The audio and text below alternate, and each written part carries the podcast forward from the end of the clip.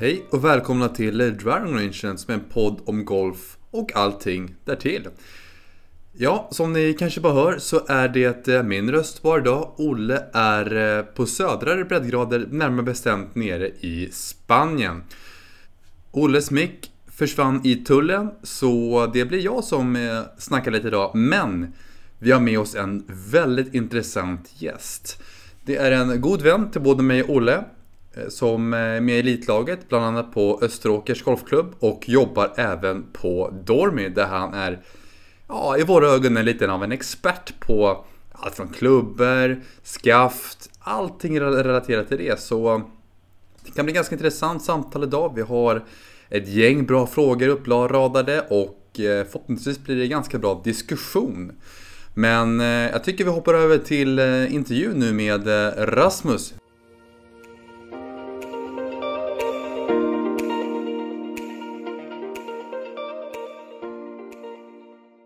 Välkommen Rasmus till eh, Driving Rangen.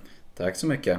Hur är läget? Det är bra. Hur själv då? Det är bara bra tack. Är det första gången du poddar? Det är första gången jag poddar. Absolut första gången. Du är inte nervös va? Jo, jättenervös. Du såg lite när du klev in här i vår eh, eminenta poddstudio, men du känns ganska bestämd ändå. Ja, men det tycker jag ändå att det är. Ja. ja. Jag tänkte vi kan ju, eh, alla känner inte till det riktigt, förutom Nej. vi såklart känner det väldigt väl. Men kan du kort berätta lite, vem, vem är Rasmus? Ja, eh... Jag spelar ju för Österåkers Golfklubb precis som Martin Odlare. Eh, tävlar en del, har gjort förra året på en, lite grann på Morgolf Mastercard Tour. Eh, ska även fortsätta där, tänkte i år så. Eh, bor i Täby, eh, har bott här i snart ett år med min sambo i nybyggda Täby Park. Det, det är väl jag skulle jag säga. Det är ganska bra introt måste jag säga. ja. Men jag tänker vi gör så här för att värma upp lite. Vi har ju fem snabba frågor så jag tänkte bolla lite med dig så får mm. du snabbt säga ja eller nej. Låter bra det. Ja. Baknian eller fronten på Österby Stensson? Baknian. Där var du snabb. Mm. Vem vinner FedEx Cup 2022? Jag tror Europa. FedEx Cup är ju... FedEx Cup? Ja, det är ingen fara. Det är bara... FedEx Cup. Men någon, någon europé tror du i alla fall? Europé? Förhoppningsvis tror jag på Hovland. Ja, den, den kan vara rätt bra faktiskt. Mm. Det hänger lite ihop med nästa fråga. Mm. Blir Hovland världsetta eller inte? Han blir världsetta, 100%. Det tror jag också faktiskt. Om du är utanför green, rullchip eller putt? Putt. Putt. Linksgolf eller parkbana? Linksgolf. Det var också snabbt. Mm, då, kommer, då kommer du tycka om nya Väster by Stensson förhoppningsvis. Verkligen, verkligen. Det hoppas jag att den kommer bli fin den sen. Ja, men vi har som sagt gått igenom lite snabba frågor här och vem du är. Men eh, varför började du spela golf? Ja, det är en bra fråga. Egentligen så började jag väl från första början. Eh, visade pappa mig klubborna när jag var ungefär två år gammal. Tyckte väl inte att det var överdrivet intressant då. Eh, så det tog ända tills jag var ungefär 13-14 år gammal innan jag faktiskt plockade upp det igen där. Blev hobby i ett, två år ungefär. Sen kände jag att ja, men fan, det här var ju skitkul. Då var det dags att köra på riktigt så då gick jag med i elitlaget på Österåker. Och sen efter det så fortsatte det bara och man blev ännu mer galen i det sen. Det är som en drog. Det är som en drog, verkligen. Hatkärlek kan man ju säga. Ja men så är det verkligen. Det finns vissa dagar man mår riktigt skit där ute på banan också. Så. Ja, men det krävs ett bra slag för att man ska längta tillbaka nästa morgon, så, även om det är en skitrunda. Så är det verkligen. Så är det verkligen. Mm. Du snackade om att du, eh, du har ju tävlat lite. Mm. Eh, hur har det gått? Det har gått lite upp och ner får jag väl ändå säga. Eh, gick väl inte överdrivet bra på svenska touren Morgolf Mastercard Tour. Eh, men spelade som sagt några juniortävlingar även förra året i och med att det var sista året som junior också. Så där gick det lite bättre. Eh, får se i år. Känner förhoppningsvis att, det kan, att man kan förbättra sig lite från förra året. Så. Mm. Eh, lärde du någonting särskilt? Om det gick, du sa att det lite upp och ner, mm. men var det något särskilt som du känner att det här kan jag ta med mig och förbättra framöver? Absolut, absolut. Det var speciellt en tävling eh, när jag själv tycker att jag borde ha klarat katten framförallt. Eh, Fjällbacka Open förra året. Eh, där jag mot slutet blev eh, rejält nervös när jag spelade. Eh, och tappade ganska många enkla slag helt enkelt bara. Eh, I och med den nya känslan som jag inte riktigt hade fått känna av innan. Att det här att klara katten. Det är inte så ofta man får känna på det på juniortävlingarna. Vilket var något nytt att testa på, vilket jag tyckte var en bra erfarenhet som kanske kan hjälpa en i framtiden. Eh, så, då tar du bara den erfarenheten och känner att nästa gång du är i en liknande sits så vet du, så här känns det. Och så vet du hur du ska Ja, agera eller? Absolut. Första gången så blev det väl lite som en, inte, eller lite av en chock kan man väl säga. Jag var inte van vid det och då visste jag inte riktigt hur jag ska agera och jag tror kommer att kunna klara av det bättre i framtiden då när man inte eh, när man eh, har fått testa på det innan. Har du något särskilt då du intalar dig eller liksom går du bara på hur du kände då? Att du känner att okej, jag har varit här då och jag kan klara det nu eller hur ser du på det? Jag försöker hitta säkrare slag egentligen. Det är väl det, det är ju mycket, en del av vad jag jobbat på i vinter också. Försöka hitta ett, ett stockshot som man kallar det. Det vet jag att ni har pratat om förut också. Eh, så det, det är väl ett, en grej som jag tänker eh, kan hjälpa en jäkligt mycket i de situationerna. Vad har du för stockshot? Försöker jobba in en, eh, en låg fade. Lite som en punch fade sådär. Low, Men- low squeezer? Japp, men har ju varit en rejäl överdråare hela året. Så det är, det är jobbigt, men eh, det, är på väg i alla fall. Det är ganska stort att gå från en drå till en fade, särskilt en Mm. låg fade också. Mm, absolut. Men det, har, det har alltid varit ett favoritslag att trycka ut en låg fade. Men på senare år har man varit alldeles för, eh, alldeles för mycket drå. Mm, kul att höra. Eh, du jobbar ju på Dormy, Mm. som vi nämnde. Är golf en materialsport? Det, det skulle jag väl delvis säga. Det är otroligt svår fråga egentligen att säga så. Men jag skulle säga att det viktigaste egentligen handlar om att träna på rätt sätt. Få, få hjälp, speciellt få hjälp av tränare. För där märker jag själv från yngre ålder att det, även om man fick nya klubbor som kanske passade en bra, så var det fortfarande träning med tränare som gjorde störst skillnad för mig. Sen är det alltid att det, det där ska kombineras med varandra. Eh, så det handlar om att jobba med, jobba med svingen med tränare är absolut det bästa. Eh, sen samtidigt få klubbor som kan göra eh, möjligheterna för att träningen ska ge utdelning. Mm. Ja, bra svar tycker jag. Det, man vet ju själv, det man skyller lätt ofta på klubborna men får en klubba med sig rätt skaft för just dig kan du göra så jäkla mycket kontra om du har ett skaft som inte alls stämmer överens med just hur du svingar. Verkligen. Det är, ser man otroligt många som kommer in i- på Dormy framförallt då som kommer in med, kan vara helt fel klubba, kan bara vara helt fel skaft och sen så är plötsligt så kanske man bara byter antingen klubbhuvud eller man byter skaft och sen så går det hur bra som helst. sen. Mm. Så det är absolut. Vi ska snacka lite mer om det senare just med custom fittings men hur ofta hör du att jag, det kommer in en, en eh, person som säger jag ska ha det nya TaylorMade eller nya Callaway och helt skiter i de andra märkena för de har siktat in sig bara på ett märke. Hur ofta hör du det? Det är inte jätteofta faktiskt men det, det kommer väl kanske Ja, men säg att man har några, någon om dagen åtminstone som kommer in och har bestämt sig för att det här märket ska jag ha. Det är som brukar ofta vara Mitsuno järn, en favorit. För en själv också då, då tyvärr. Man har ju fallit för det men Skyldig.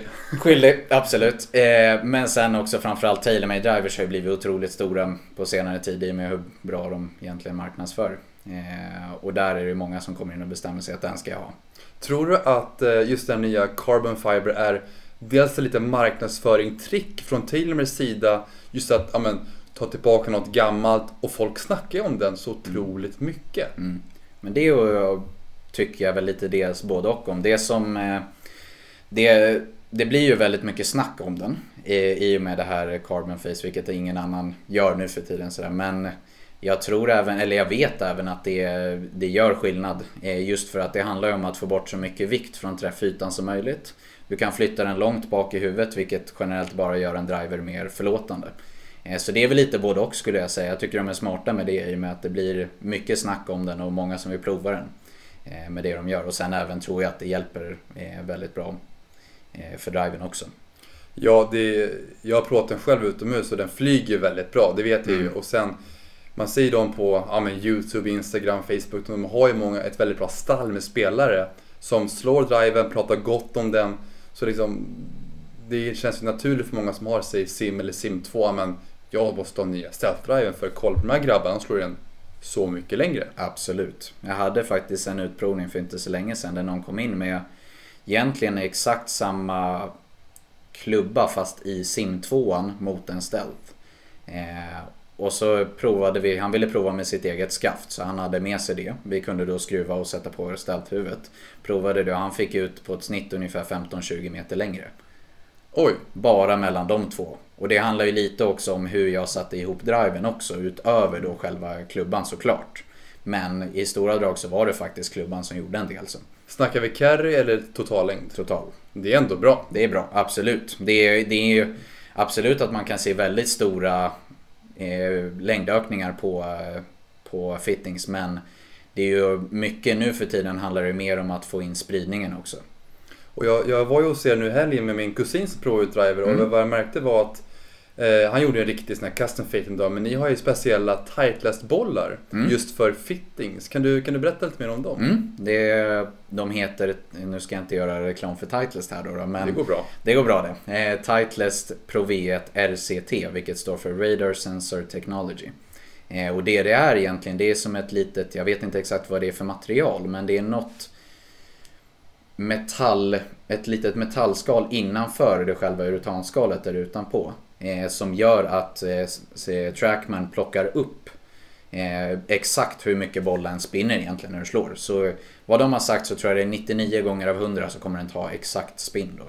Och det har ju hjälpt oss otroligt mycket måste jag säga faktiskt. För den har verkligen eh, fått till så att spinnen håller sig eh, i rimliga siffror. Eh, innan den bollen så kunde det vara så att Trackman ibland gissade sig fram. Vilket då inte alltid ger exakt data. Ja, för man har ju kört en del i simulatorer och kör man med sämre bollar eller bollar som är rätt utnötta, ranchbollar, spinnen stämmer inte alls överens och betalar du ganska mycket pengar för en, ja, men, en nytt set eller driver, då ska det ju vara så verklighetsbaserat som möjligt helt Ja, enkelt. då ska man ju absolut veta att det är det här är det här som exakt ska passa en. Och det är ju därför också vi, vi har bestämt nu för att köra med dem. Vi har testat dem nu ett tag men nu är det så bra som de faktiskt gjorde ifrån sig så tyckte, jag, tyckte vi och tyckte jag självklart att vi, vi ska köra på de här. Det är, det är en sån fördel verkligen. Så, Jag kan intyga, men jag slog en del slag med dem även i helgen och eh, ja, nu slog jag bara med dem och inte någon annan dag, men jag kände ju att spinner kändes, mot vad jag kände som att väldigt eh, exakt måste jag säga, så det var inte något som spårade ur helt och hållet som det lätt kan bli annars. verkligen. Men eh, vi går vidare då. Vi har fått in en del lyssnarfrågor och Mm eh, vad gäller just byte av klubbor. Hur länge tycker du man ska hålla till exempel en driver, järn, wedgar och putter? Vad har du för synpunkt på det? Mm, vi kan börja. Jag är ju ett stort putter-freak mig själv. Har ungefär 12-13 stycken hemma. Eh, för det mesta skott i kameran då. Eh, men en putter är ju någonting som jag anser är den bra för spelaren. Eh, kan vara utprovad, behöver inte vara utprovad, kan vara så att den funkar i alla fall. Eh, då skulle man egentligen nästan aldrig behöva byta putter. Den kan man egentligen ha i bagen så länge man känner för det. Så, länge den funkar. Det är det som är det viktiga. Sen har vi väl efter det wedgarna då. Eh, där är det väl lite... De slits eh, otroligt lätt, wedgar ska jag säga så. I och med i de slagen som används till exempel en del mycket i bunken. Sanden nöter ut wedgarna väldigt mycket. Eh, så framförallt sandwedge, Lobwedge, sånt som används i de områdena där. De behövs egentligen beroende på såklart hur mycket man spelar. Men oftast så behövs det nästan om man vill hålla det fräscht varje, varje år att byta. Eh, men sen när det är för amatörer så brukar det inte vara lika viktigt med de här extremt fräscha grusen så då kan jag säga två till tre år i alla fall. Det är inga problem att vänta så länge i alla fall. Sen, eh, sen har vi ju eh, Där skulle jag väl anse att eh, kan vänta några år till egentligen innan man, för grusen slits absolut inte ut lika lätt på dem som det gör på wedgar i och med att de används inte på samma sätt. Eh, där kan vi säga tre, fyra år kanske, nå- något år till liksom. Eh, och sen blir det ju såklart beroende på hur bra teknik man vill ha i grejerna också. Det utvecklas ju hela tiden. Eh, från år till år så är det ju inte överdrivet stor skillnad skulle jag inte säga. Men väntar man absolut två till fyra år, ja men då kommer man verkligen se skillnad mellan järnklubborna. Eh, så det, det är väl där, där omkring jag skulle säga. Och lite liknande egentligen med träklubborna. Där hamnar vi ju i samma spann skulle jag säga ungefär två till fyra år också, tre, fyra, något sånt där för att eh, verkligen se skillnad också från det gamla. Sen slits ju inte de på samma sätt som de andra gör. Eh, men för att verkligen få se skillnad så skulle jag, man behöver absolut inte byta varje år.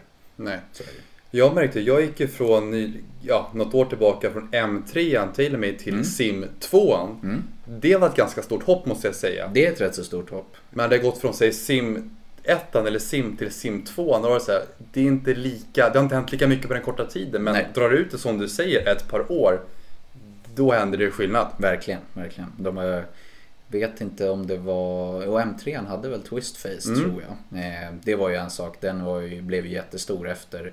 Jag tror M2 var väl den som inte... M2 M1 var den som inte hade det. Men efter, när den kom ut så blev det extremt stort. Och den ser vi ju fortfarande hur bra den faktiskt presterar. Det var ju som eh, när jag var på Dormen nu i helgen i Arninge eh, med min kusins Bronny Driver. Han hade Nike Vapor. Mm. Eh, den där svart, eh, svartgula, rätt dova. Ja, Eh, verkligen, den där. Väldigt trevlig. Ja, en gammal goding. Han slog den 220 carry. Mm. Provade den nya Cobra-driven. Mm. Och fick en carry på mellan 245 250 och svingade lika fort. Mm. Träffade den kanske, smashen var väl någorlunda bättre just för att Mm. klubbhuvudet är lite mer förlåtande. Men Ja. att händer, du får ut så mycket mer carry. Nu har det gått några år där det Mm, mellan dem. Men Mm. det är bara ett, exempel på var det faktiskt kan skilja nya klubbor. Absolut. Speciellt för, jag såg ju när din kusin var där inne och slog. Så speciellt han som slår ganska hårt också så gör det väldigt stor skillnad att få en ny mer förlåtande driver. Jag har till exempel haft innan några som har kommit in med vad jag tycker framförallt äldre pingdrivers Brukar vara otroligt bra. Eh, så det är några man tyvärr har fått, de har slagit sin egen så bra så man har fått skicka hem dem med sin egen. Och det blir de såklart nöjda med att de inte behöver betala mer pengar. Men eh, det är så roligt att se att även de, kan, de gamla driversen kan prestera upp till vad de här driverserna gör. Sen är det har det lite med att göra hur personen slår också, så det är såklart en del av det. Om vi kollar och fortsätter lite med just custom fitting, det är ett intressant område. Vad, eh, vad är det svåraste tycker du med det? Ja, eh, det jag kan börja med. Det lättaste, absolut, det handlar ju oftast om eh, duktiga spelare. Torspelare är inte kanske på den eh, PGA-touren men svenska torspelare och sådana som slår bollen otroligt bra. Där krävs det oftast väldigt liten förändring på det de har i och med att de ofta har gjort en custom fitting innan, vilket är ganska bra. Så man kanske bara plockar fram något skaft, något huvud sådär. Eh, så det blir inte så jäkla tufft egentligen. Eh, sen när det kommer till det som egentligen blir, gör det svårare med custom fitting, det är när inte, rikt- man inte riktigt har lika bra teknik. Ett exempel är ner på bollen med driven, upp på bollen med järnen. Eh, vilket man ibland när man är där inne kan behöva göra lite förändringar i svingen i och med hur, hur, hur dramatiskt egentligen det är. Eh, men samtidigt så tycker jag absolut att det, det är oftast mycket roligare att göra fittings på medelgolfare eller något lite över medelgolfare också i och med att man kan göra så pass stor skillnad för dem. De har oftast inte custom-fittat sina grejer innan och det, man ser även en spridning innan som man kan få ner till något otroligt mycket mindre. Medan en bättre spelare där kan du få någonting som är lite till kanske lite, lite mindre. Inte lika roligt att kolla på resultatet. Även fast det kan vara lite lättare då. Jag kan tänka mig om du har en, säg, eh, spelare med lite högre handikapp som kanske inte slår bollen fantastiskt bra. Att man, ja, men man ger något litet enkelt tips som även funkar långsiktigt. Och man ger den spelaren en driver som är modern och passar just dens sving. Att det kan hända ganska mycket på kort tid, det är det jag försöker komma fram till. Det Mm. måste ändå vara ganska Känns ganska skönt eller bra som liksom både säljare och rekommenderar bra liksom, rätt klubba. Eller vad, vad tycker du? Verkligen. Det är skit, skitkul när man får en custom fitting som det verkligen har gått bra för. Man märker att de är nöjda, man, man tycker själv att man har gjort ett skitbra jobb där också. Då är man otroligt nöjd efter. Och så, såklart så är det ju inte... Det viktigaste egentligen för mig är ju inte att sälja, sälja, sälja. Utan det är ju att hitta rätt klubbor egentligen bara. Alltså, Mm. Det är det absolut viktigaste. Sen. Men hur viktigt är det att göra en custom fitting på en skala 1 till 10? Jag skulle väl säga 9-10 däromkring. Ganska högt ändå. Det är väldigt högt. Men det är, det är otroligt viktigt att få någonting som är rätt för en själv. Det kan absolut vara lite som jag har det till exempel. Jag justerar knappt någonting på en standardklubba egentligen. Men jag vet att jag inte behöver göra något annat. Men vissa har ju... Ja men det kan vara en som är 1,50 lång och så kan det vara en som är 1,90 lång. De ska inte ha samma klubbor. De ska inte ha samma lie, de ska inte ha samma längd. Sen har man ju absolut medelgolfaren. Klubborna är gjorda för dem. Men det passar verkligen inte alla. Så det, jag tycker det är otroligt viktigt att göra custom fitting. Finns det något som eh, glada amatörer kan göra eller tänka på vad gäller sin nuvarande utrustning? som du kan ge tips på att kan vara bra att kika? Eh, det jag skulle absolut kunna kolla på det är i och med dagens driver som har oftast en adapter som går att justera lite på. Om det är så att man känner att man kanske inte vill lägga vad som nu blir väldigt mycket pengar på en ny driver så brukar det alltid gå att justera den antingen upp i loft, ner i loft eller man kan ändra lie på den. Det är ofta man kan få en anti-slice driver finns också på vissa sådana här adapters. Eh, det är ju ett väldigt enkelt sätt att eh, kanske fixa någonting i svingen som eller någonting med bollflykten eh, som kan göra det mycket bättre. Om man tänker just byte av grepp. Jag märker själv att när man får ett par nya grepp på klubborna, det känns som de är helt nya. Ja, verkligen. Hur, hur ofta byter du grepp? Jag byter grepp Ja, jag brukar nästan byta klubbor för jag byter grepp. Men, men eh, nej, men nu har jag ju ett par som jag tänker här som jag ska köra på åtminstone en säsong till. Och det är väl dags att börja byta grepp nu också. Eh, jag framförallt sliter ut mina otroligt fort för jag greppar så jävla hårt om klubban. Så, eh, så det blir nästan som stora hål i dem. Och då är det ju verkligen dags att byta för det har jag för mig mot reglerna också. Så. Jag har hört att man ska greppa en klubba som att du håller i en fågel eller tandkrämstub. Men mm. du dödar den där fågeln ganska jag snabbt. Jag dödar fågeln, absolut. Kväver den till döds. Yes, har inget tandkräm kvar heller. ja. Eh, om vi går lite från Dormer då just nu och går till eh, lite golfspelare då. Mm. Eh, Spieth har ju trendat senaste året. Mm. Vad tror du om hans utsikter för 2022?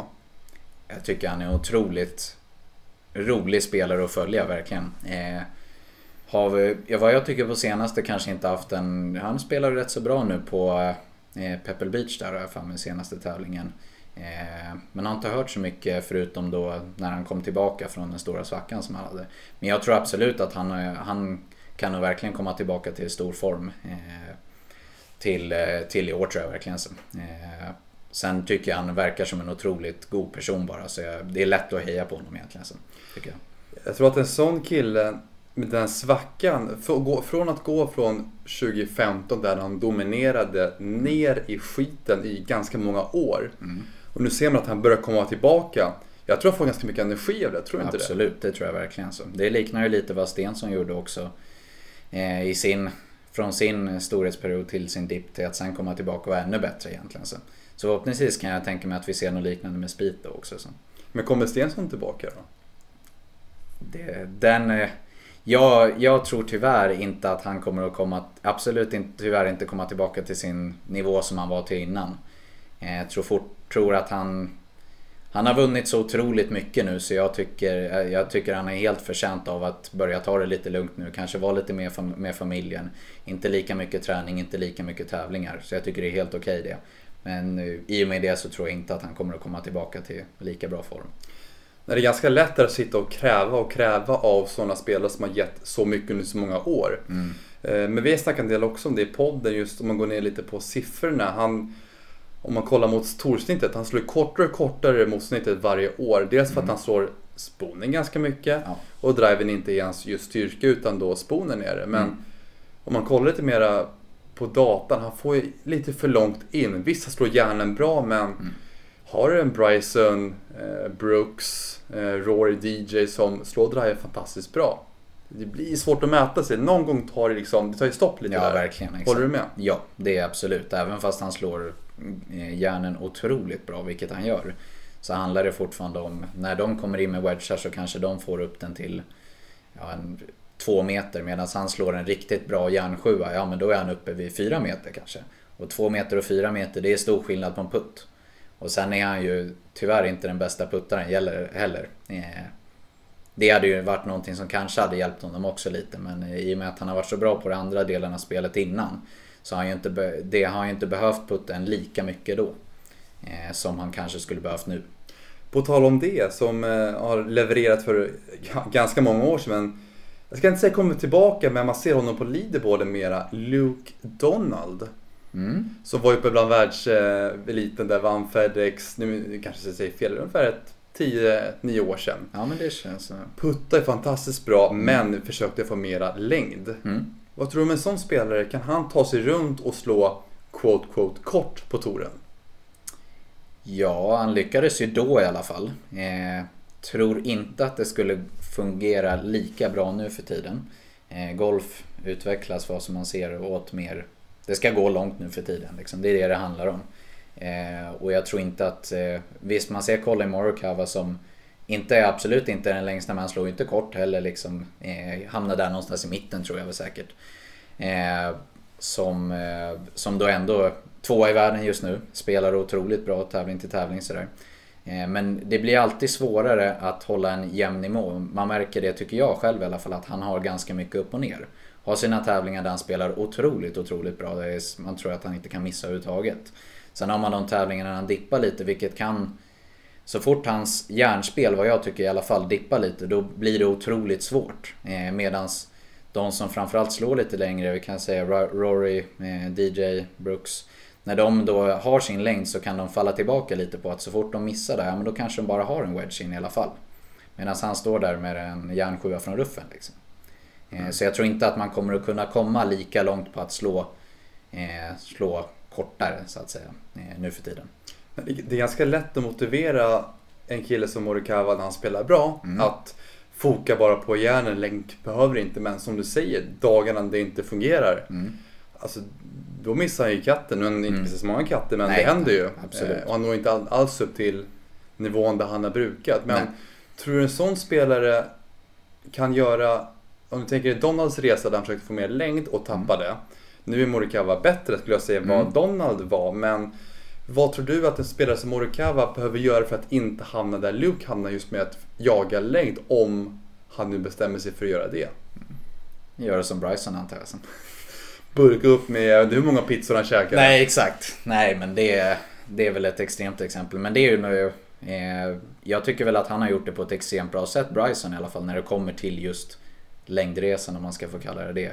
Eh, har lyckats hålla spelet på en sån pass nivå även fast han har satt på sig otroligt mycket vikt, otroligt mycket hastighet, otroligt mycket längd. Så även hålla sig på den nivån. Eh, sen är han inte min favoritspelare utöver det.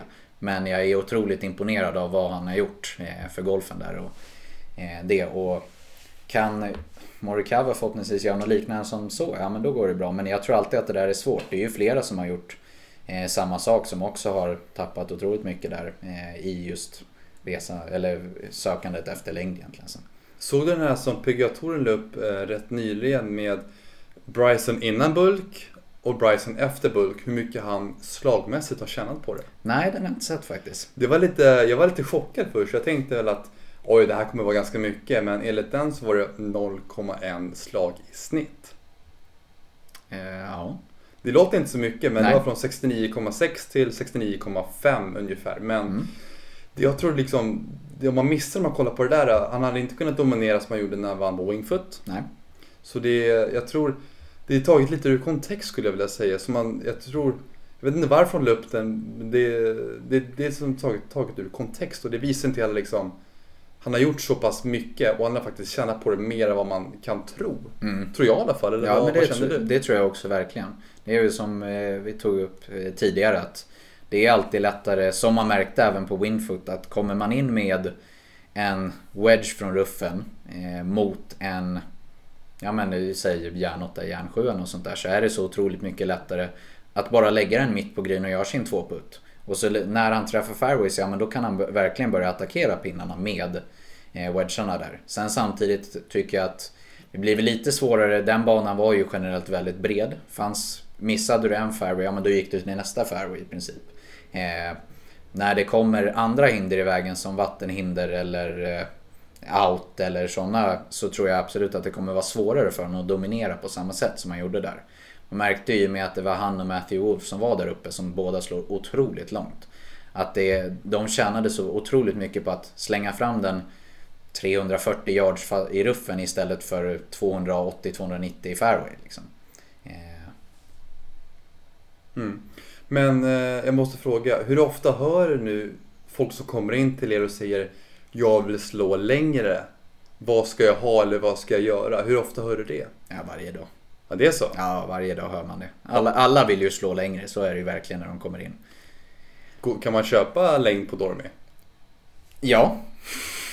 Nej, det, det, ska jag inte säga. Det det är ingen, jag lo, lovar inte att man kan köpa längd, men det är generellt så skulle jag säga att drivers som är nu, om man har en gammal driver så går det absolut att eh, få ut mer längd eh, med de nya. Om det är så att man eh, dels har rätt spex på klubban.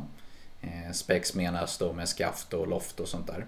Eh, om man då får det rätt eh, custom fitta till sig så tror jag absolut att de nästan, jag skulle nästan vilja säga 95 utav 100 kommer att slå längre med en nyare driver då i alla fall. Det är ganska hög siffra då måste jag säga. Det är, det är det. Men finns det några nya modeller eller nya skaft som man ska hålla lite utkik extra på nu på Dormet tycker du? Det är några skaft som har blivit otroligt populära nu på senare tid som jag även själv har köpt. Det är vad heter det, Fujikura Ventus eh. Har ju tre olika varianter så de har den röda, den blåa och den svarta. Röd egentligen för att få så mycket launch och mycket spin som möjligt egentligen. Sen har man den blåa som ligger i mitten. Som då enligt deras hemsida i alla fall ska ha en lite mer, vad ska man säga, med, medium launch och lite lägre spin. Eh, och sen så den svarta egentligen som är det absolut hårdaste, lägsta spin, lägsta launchen. Eh, så det är ett skaft som är otroligt populärt just nu. Jag tror inte att de flesta behöver nog inte gå på en så, sånt skaft i och med att det kostar så otroligt mycket pengar också. Eh, och då tror jag att, eller jag vet att det finns många, vad ska man säga, icke upcharge skaft som eh, även då kan funka, om inte lika bra då egentligen som de skaften. Eh. Vi har ju snackat en del, i alla fall jag och Olle tidigare i podden om putters. Mm. Och jag vet att du är en lite putterfanatiker som mm. du nämnde tidigare med 12-13 ja små barn hemma. Yes. Men eh, just putterskaft då? Mm. Är du insatt i det? Lite grann. Jag har försökt i alla fall eh, och kollat runt lite på det. Eh, det är ju ett, framförallt ett skaft som man ser otroligt mycket just nu. Det är KBS, deras putterskaft. Används i Tailmade putters till exempel. Verkar som en populär variant men sen är det ju även börjar ju grafit komma in en del också i, i vad heter det, putter, putterskaften där. Eh, vilket jag tycker är otroligt kul att se egentligen för jag gillar framförallt att jobba med grafit. Och tänker även själv plocka, försöka plocka i det i järnklubborna. Eh, ska försöka hitta några som passar mig bra. Okej. Okay. Mm. Vad är motiveringen till det? Eh, ja, det finns mycket egentligen. En sak är väl, jag har inte haft överdrivet mycket skador ska jag inte säga. Men det är ju framförallt att det minskar risken för skador. Eh, det det gör är ju att det tar bort mycket av vibrationen som kommer i stålen. Vilket jag tycker känns som en bra idé om man ska, nu ska spela golf tills man, tills man i princip dör. Då, då. Det, då eh, tycker jag det är bra att spara på det man kan verkligen i och med att det är en ganska jobbig rörelse, golfsvingen. Och grafitskaft är ju verkligen någonting som hjälper en med det. Då, så. Och det har ni på Dormin förstår jag? Det har vi. Det är lite sämre utbud på det. Eh, alla leverantörer har inte riktigt börjat med det än. Med, I och med att det är ganska dyrt. Det är väl framförallt det som jag skulle gissa på varför det inte finns så mycket än. Men jag tror att det kommer att komma mer och mer av att folk kommer börja spela grafit. Man ser ju det på touren också till exempel som Bryson har ju alla sina grafitskaft. Och det är också för att de skaften kan byggas hårdare än vad ett stålskaft kan. Det är ganska intressant för tänker jag på grafit då tänker jag på oftast lite mjukare än stålskaft. Mm. Men det är fel. Det är det är absolut, det, det skulle jag säga är fel nu för tiden. Förut så var det så. Eh, skaften byggdes ganska ensidigt. Det var inte, fanns inte så mycket variationer på den då. Eh, nu har, ju, har man ju märkt att stål är väl egentligen den sämre varianten att bygga med. För när man eh, tar grafit till exempel så bygger man eh, olika slags tjocklekar i skaftet. Eh, medans stål är egentligen, det är bara en tjocklek. Det, den är som den är. Det går inte att göra så mycket med den. Medan grafit går att bygga tjock. Eh, till exempel vill man ha den hård nere i tippen, längst ner på skaftet då. Då kan man bygga den otroligt tjock där nere innanpå då. Eh, vill man göra den tjock där uppe, eller eh, hård där uppe, ja men då kan man göra den tjockare där. Vill man göra den lätt, eller mjukare där nere, mjukare där uppe, ja men då gör man lite mindre. Så det är mycket lättare att bygga med en sån vilket gör att det, eh, det är ett skaft, eller en, någonting som kommer, jag tror kommer fler använda eh, i framtiden. Men det är så, i dagsläget lite dyrare än stålskaft? Absolut, och det är ju därför det framförallt om alla standardklubbor och även mycket custom just nu går eh, med stål. I och med att det kostar så pass mycket att lägga till sen. Och även för leverantörerna då att köpa in. Mm. Ja, intressant att höra. Mm.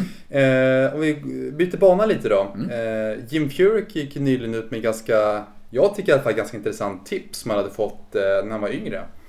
När hans pappa sa att han skulle slå en full järnsjua samma distans som en full järnåtta. Mm.